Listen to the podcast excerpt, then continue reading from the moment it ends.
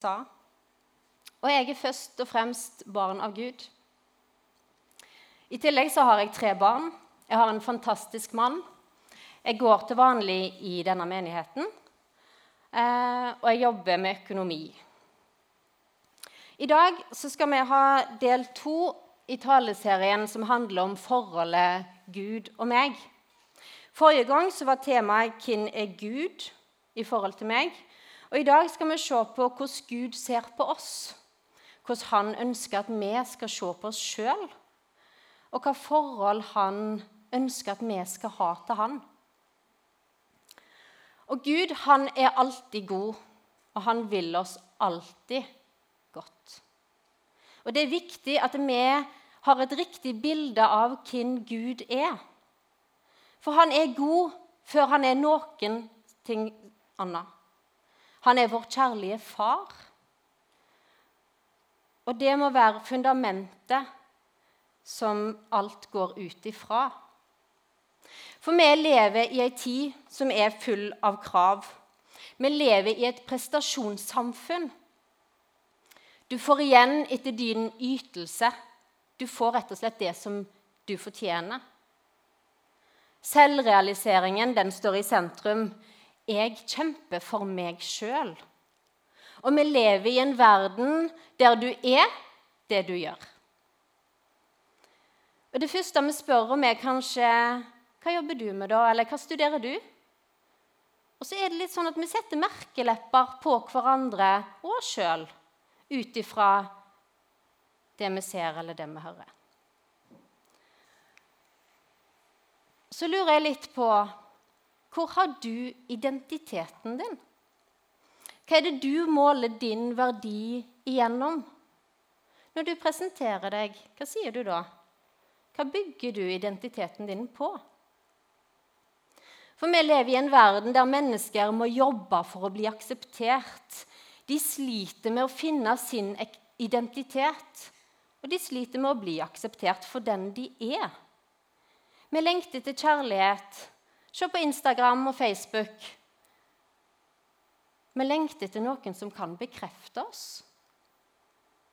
Og når vi er så oppslukt og prega av denne verden, så er det dessverre mange som heller ikke får tak i hva Gud mener om oss. For vi tilegner Gud de samme kravene som verden har til oss. For altfor ofte, eller ofte, så identifiserer vi oss sjøl ut ifra hva andre sier om oss. Hvordan opplever du det å være student eller ung voksen i Grimstad i dag? Opplever du at mange har meninger om hvem du er? At de putter deg i den boksen fordi du er sånn eller gjør sånn? Har andres på meninger påvirkning på hvordan du ser på deg sjøl? Definerer du deg ut ifra hva andre sier om deg? For hvem er du egentlig da? Jeg har forskjellige roller avhengig av hvor jeg er hen. Når jeg er på jobb, så er jeg en kollega, jeg er en leder. Jeg eh, bruker min økonomiske kompetanse inn i teamarbeid. Når jeg er hjemme, så er jeg kone, jeg, har, jeg er mamma. Jeg er raus med omsorg og klemmer. Og jeg er taxisjåfør og jeg er samtalepartner. Men jeg setter òg grenser for hva som er lov å gjøre for mine barn. Men hvis jeg da skal definere min verdi ut ifra hva mine kolleger mener at jeg presterer på jobb, eller ut ifra hva min tenåringsdatter mener om mamma sine regler, så vil eh, muligens min, ver min, verdi varierer ganske godt. Og hvem jeg da velger å høre på, vil eventuelt gi meg grunnlaget for min verdisetting og hvordan jeg ser på meg sjøl. Og hvis det, er, hvis det, er, det som jeg får utretta i løpet av en dag, som skal betegne min verdi, så må jo jeg alltid hige etter å prestere og streve for å føle meg verdifull og elska. Og dessverre så lever vi i dette prestasjonssamfunnet. Og mange har sin identitet i det de gjør. Men så er det jo sånn at hvis vi bygger vår identitet på det vi gjør, hva skjer da hvis vi plutselig må slutte å gjøre det vi var gode på? Kanskje vi blir syke, kanskje jobben går konkurs, eller det er en annen krise i livet. Hva skjer da? Hvem er du da? Hva er da din identitet? For dine handlinger eller prestasjoner de forandrer ikke hvem du er. For du er ikke det du gjør. Mange definerer sin identitet ut fra sin fortid, hva de har gjort tidligere i livet. Men vet du hva Jesus han sier at det betyr ingenting lenger. For når du tok imot Jesus, så ble du en ny skapning. Alt er nytt. Alle de feilene vi har gjort, og de vi gjør, har Jesus tatt på seg. Og det skal ikke være din identitet lenger. For det er ikke det du har gjort eller gjør, verken positivt eller negativt, som skal definere deg. Og Mange de tenker dessverre at de må faktisk prestere for å være gode nok for Gud. At de må gjøre Gud til laks. Men det òg er dessverre en misforståelse og en ganske vond plass å være i livet. Men hva er det da som skal gi meg min identitet, min verdi? Gud han har allerede satt, gitt deg din verdi. Han har satt en utrolig høy prislapp på oss når han sendte sin sønn i døden for meg og deg. I Efeserne, som hun leste tidligere, eller i starten av møtet, så står det hva vi er i Kristus. Først og fremst så har Kristus utvalgt oss. Han har utvalgt deg og meg. Vi er hellige og uten feil. I Han så er vi Guds barn.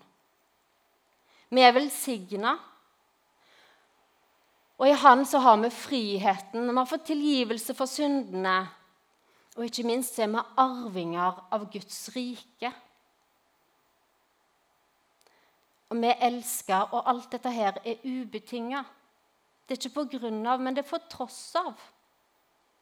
Og For å kunne skjønne hvor inderlig høyt Gud elsker deg, så må vi ta inn over oss dette med hvem vi er i Han. Vår identitet må være i Han. Det at vi først og fremst er elska av Gud. Akkurat sånn som du er. At han har skapt deg i sitt bilde. Og nettopp derfor så ønsker Gud at du skal være fornøyd med deg sjøl, sånn som du er. Og så ønsker han at du skal bruke det potensialet som du har fått, inn i hans rike.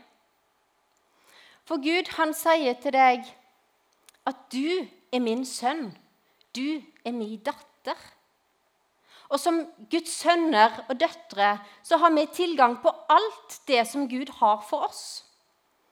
Vi er inkludert i den kongelige familien.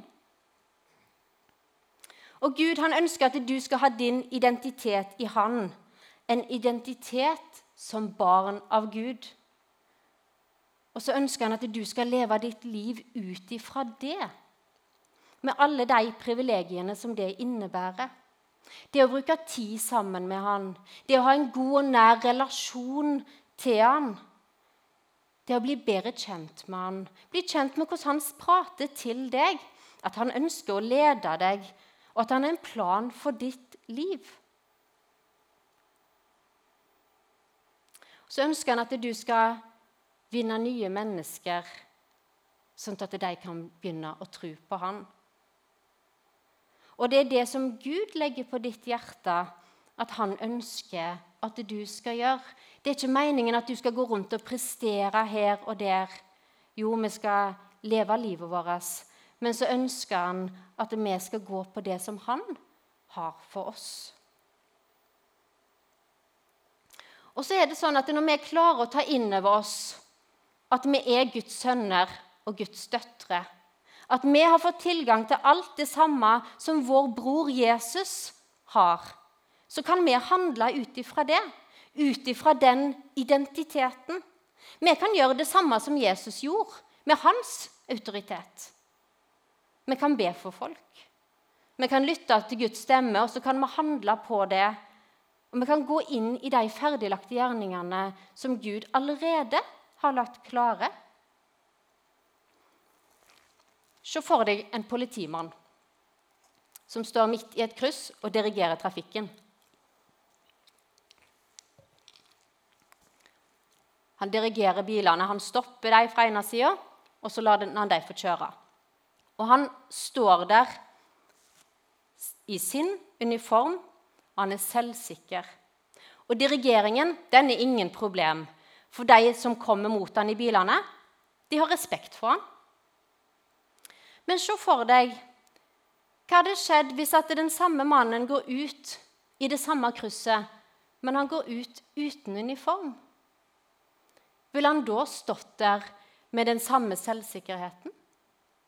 Vil han da fått den samme respekten for de andre bilene? Eller ville de sett annerledes på han? Det er jo den samme mannen som går ut, men uten uniformen sin så er det kanskje ikke helt det samme. Og sånn er det litt med oss òg. For når du sa ja til Jesus, så flytta han inn på innsida di. Og du ble Guds barn.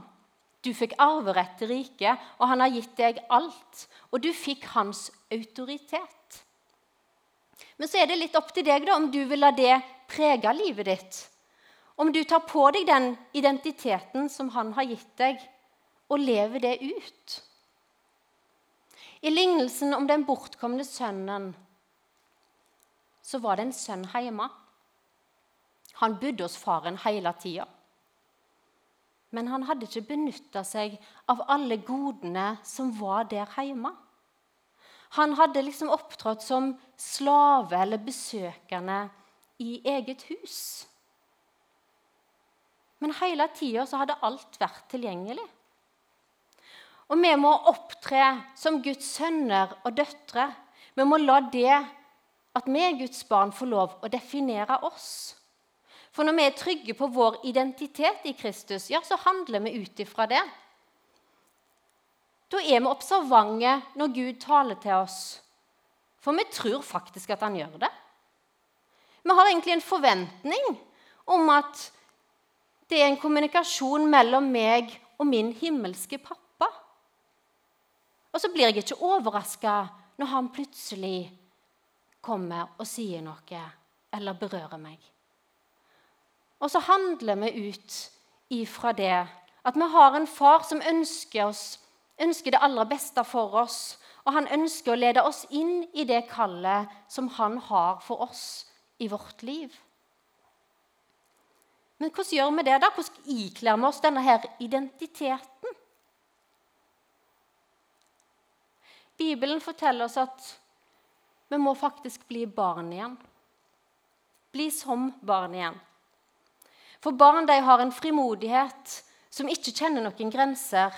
For du er ikke redd for å spørre om noen ting. De har ikke tanken om at de må fortjene foreldrene sin gunst. Du er min pappa, og selvfølgelig så vil du gi meg dette, for selvfølgelig så elsker du meg. Og når de får gode ting, så er det ikke sånn at de tenker at de må gjøre opp for alt det gode. Nei, Barna de kommer akkurat sånn som de er.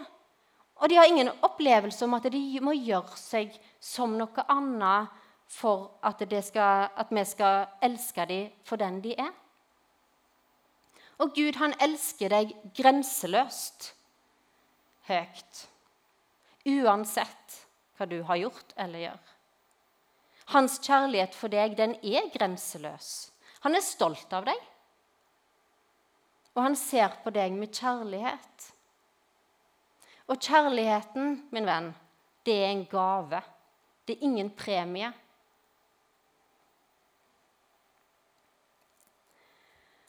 Så Gud han ønsker at vi skal ikle oss denne identiteten som hans barn. At vi skal skjønne at vi har alt tilgjengelig. Og så ønsker han at vi skal leve ut det livet som han har kalt oss til. Men hvordan gjør vi det, da?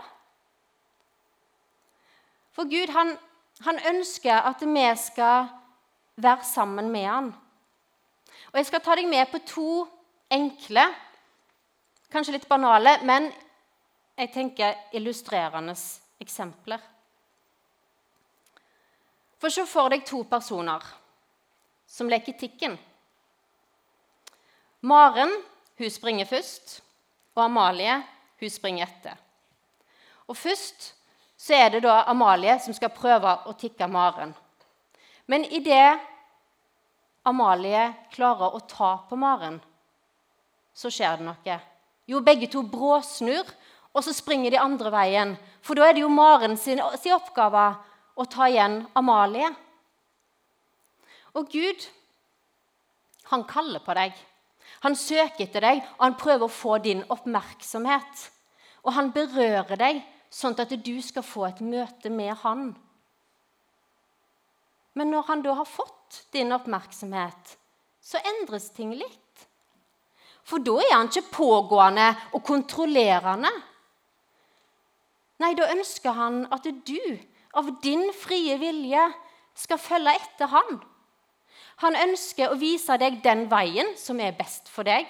Og han ønsker at du skal følge etter han og ha fokus på han og søke han midt i det som du står i.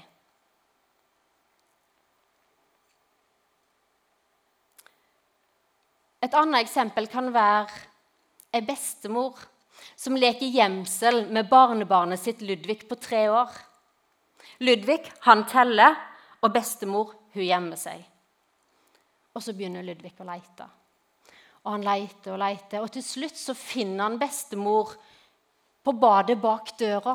Og han jubler og sier, 'Bestemor, bestemor, nå er det din tur til å gå ut i stua, så skal du telle.' 'Og så gjemmer jeg meg her på badet bak døra.'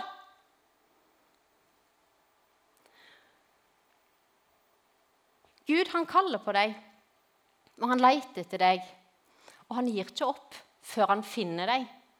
Men når du er funnet, og han har fått din oppmerksomhet, så er det ikke lenger han som leter og prøver å fange deg. Nei, da er det du som har oppgaver. Og midt i din hverdag må finne tid til han. Og du vet hvor, han, hvor du finner han, for det har han fortalt deg. Akkurat som Ludvig forteller bestemor at han skal gjemme seg på badet bak døra, så har Jesus fortalt deg hvor du kan finne han. For du finner han i det kristne fellesskapet. Jesus sa at der som to eller tre er samla, der er jeg midt iblant dere. Du finner han i Bibelen, i Guds ord. Du finner han i bønn. Og så bor Den hellige ånd i deg. Så han er jo med deg akkurat der du går. Men han tar ikke plass med mindre du gir ham plass.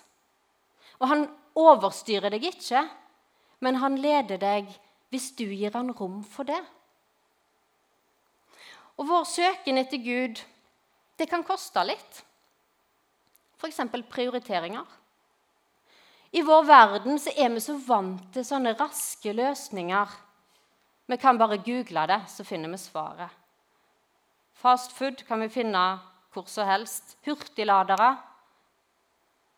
Vi kan ikke men, eller, ja, det, det, er mange ting, men, men vi kan ikke erstatte den tida vi bruker med Gud, med noen quick fix. For ønsker vi å ha et nært forhold til Han, så krever det faktisk at vi setter av tid, sånn at vi kan så inn i det og virkelig bli det som Gud hadde meint, det fellesskapet Gud hadde meint at vi skulle ha. Og det personlige gudsforholdet det overføres ikke med håndspåleggelse, at noen ber for deg. Vi kan ikke få det av andre eller gi det til andre, men vi må rett og slett jobbe for det sjøl. Men det å søke Gud, det er alltid verdt det. For han er alltid å finne. Han er ikke vanskelig å finne, og han ønsker å ha oss der.